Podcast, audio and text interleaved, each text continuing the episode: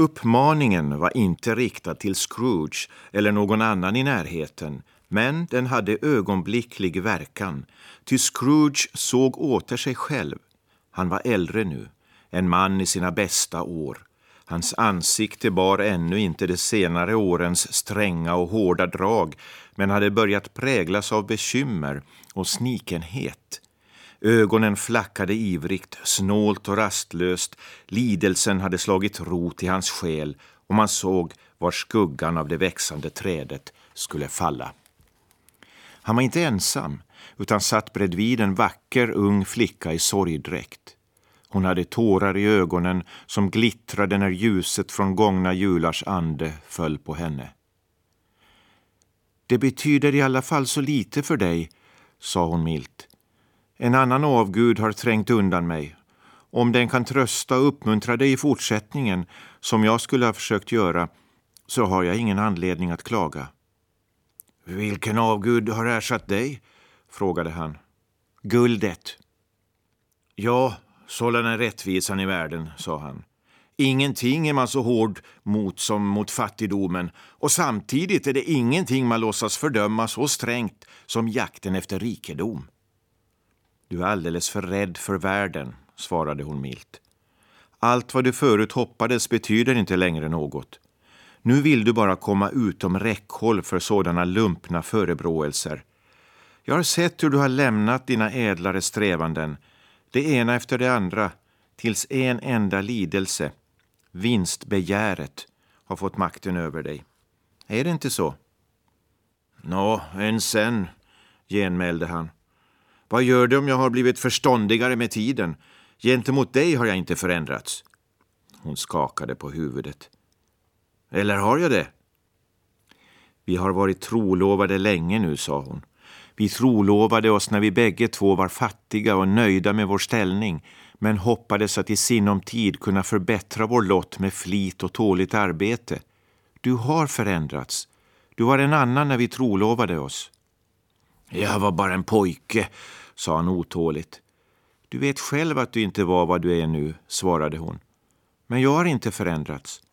Det som lovade oss lyckan när vi var ett hjärta och en själ har nu blivit ett sorgeämne när vi har glidit ifrån varandra. Du kan inte ana hur ofta och grundligt jag har tänkt på den saken. Det är nog att jag har tänkt på den och kan ge dig fri. Har jag någonsin sökt bli fri? Inte med ett ord. Vad då med? Genom din ändrade natur och ditt ändrade sinnelag, genom en annan atmosfär i livet, genom att något annat har blivit ditt stora mål, genom allt som enligt din uppfattning gav min kärlek något värde.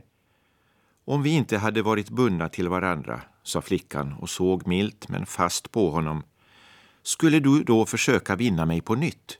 O oh, nej, han var mot sin vilja tvungen att erkänna det, men han sa det motvilligt. Du tror att jag inte skulle det. Jag skulle vara glad om jag slapp tro det. Det ska Gud veta, svarade hon. Men när jag har blivit övertygad om en sådan sak så vet jag också att den inte står att ändra. Anta att du vore fri idag eller imorgon.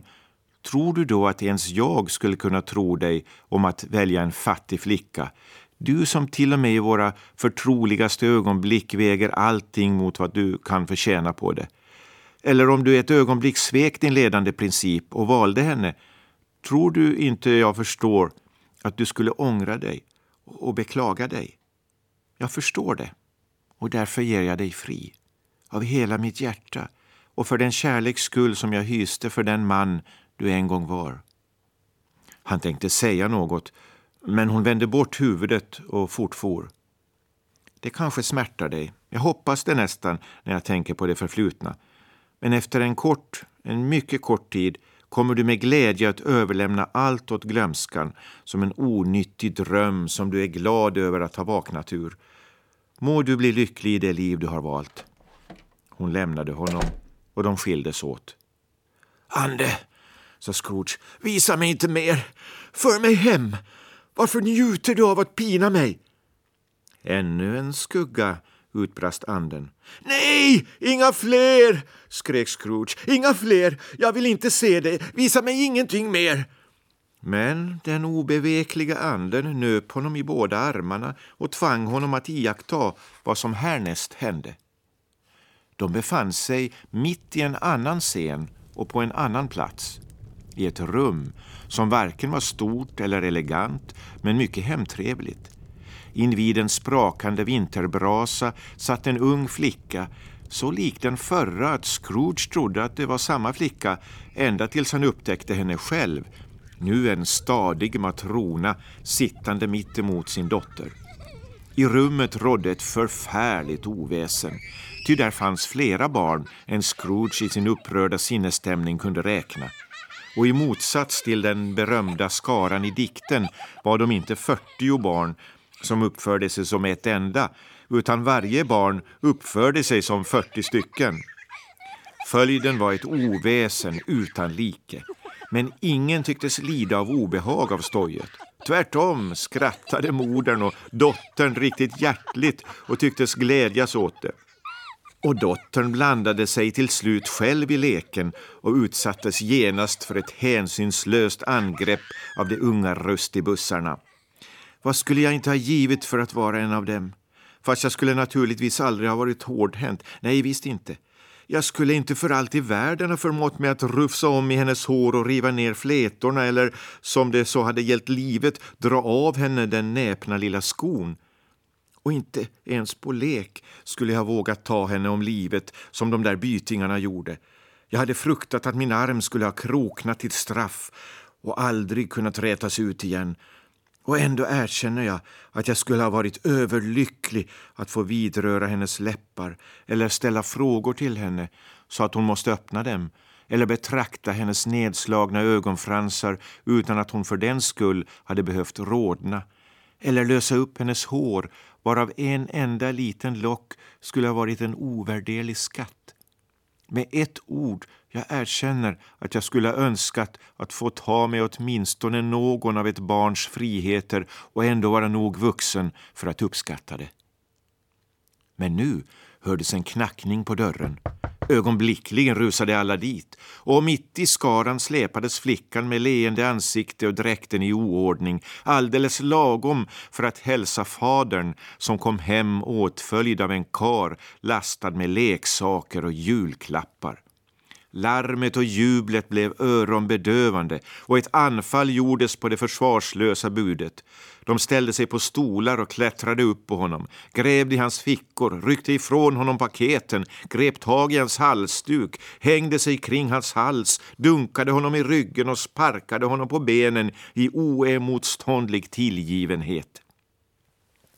Vilka jubelrop åtföljde inte öppnandet av varje paket.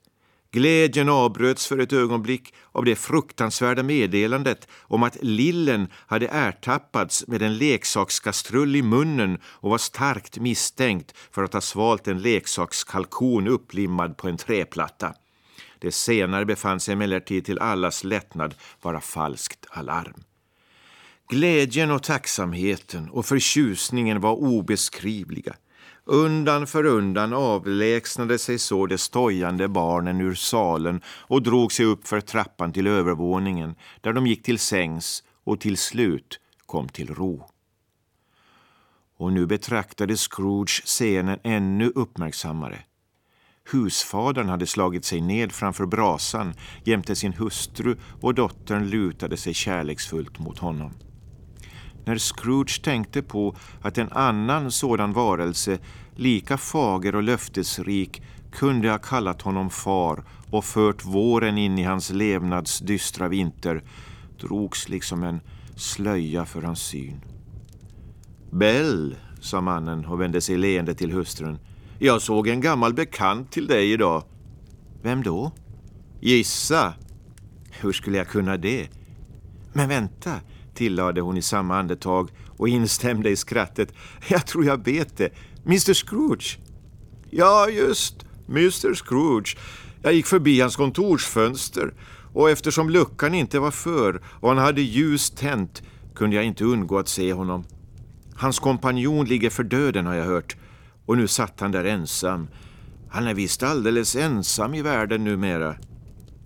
Ande, sade Scrooge darrande. För mig härifrån! Jag sa ju att de här synerna var skuggor av ting som har varit, sa anden. Klandra inte mig för att de är sådana de är. För bort mig! utbrast Scrooge. Jag står inte ut! Han vände sig mot anden och då han i dennes ansikte tyckte sig se alla de syner han mött speglade på ett egendomligt sätt började han brottas med honom. Gå ifrån mig! För mig tillbaks! Plåga mig inte längre! Under striden, om det nu kan kallas en strid, då anden utan att göra synbart motstånd var fullkomligt oberörd av alla motståndarens ansträngningar, lade Scrooge märke till att dess ljus brann med en hög och klar låga. Han satte instinktivt detta förhållande i samband med följeslagarens inflytande över honom. Han ryckte till sig mössljusläckaren och pressade ner den på andens huvud. Anden sjönk ihop och försvann helt och hållet under ljusläckaren. Men fastän Scrooge av alla krafter tryckte ned denna kunde han inte hindra att ljuset oavbrutet strömmade fram under kanterna och spred sig över golvet. Han kände sig plötsligt alldeles utmattad och överfölls av en oemotståndlig sömnlust. Han upptäckte också att han befann sig i sin egen sängkammare. Han tryckte för sista gången ned ljussläckaren tills hans hand plötsligt slappnade. Han hann knappt stappla fram till sängen förrän han sjönk i en djup sömn.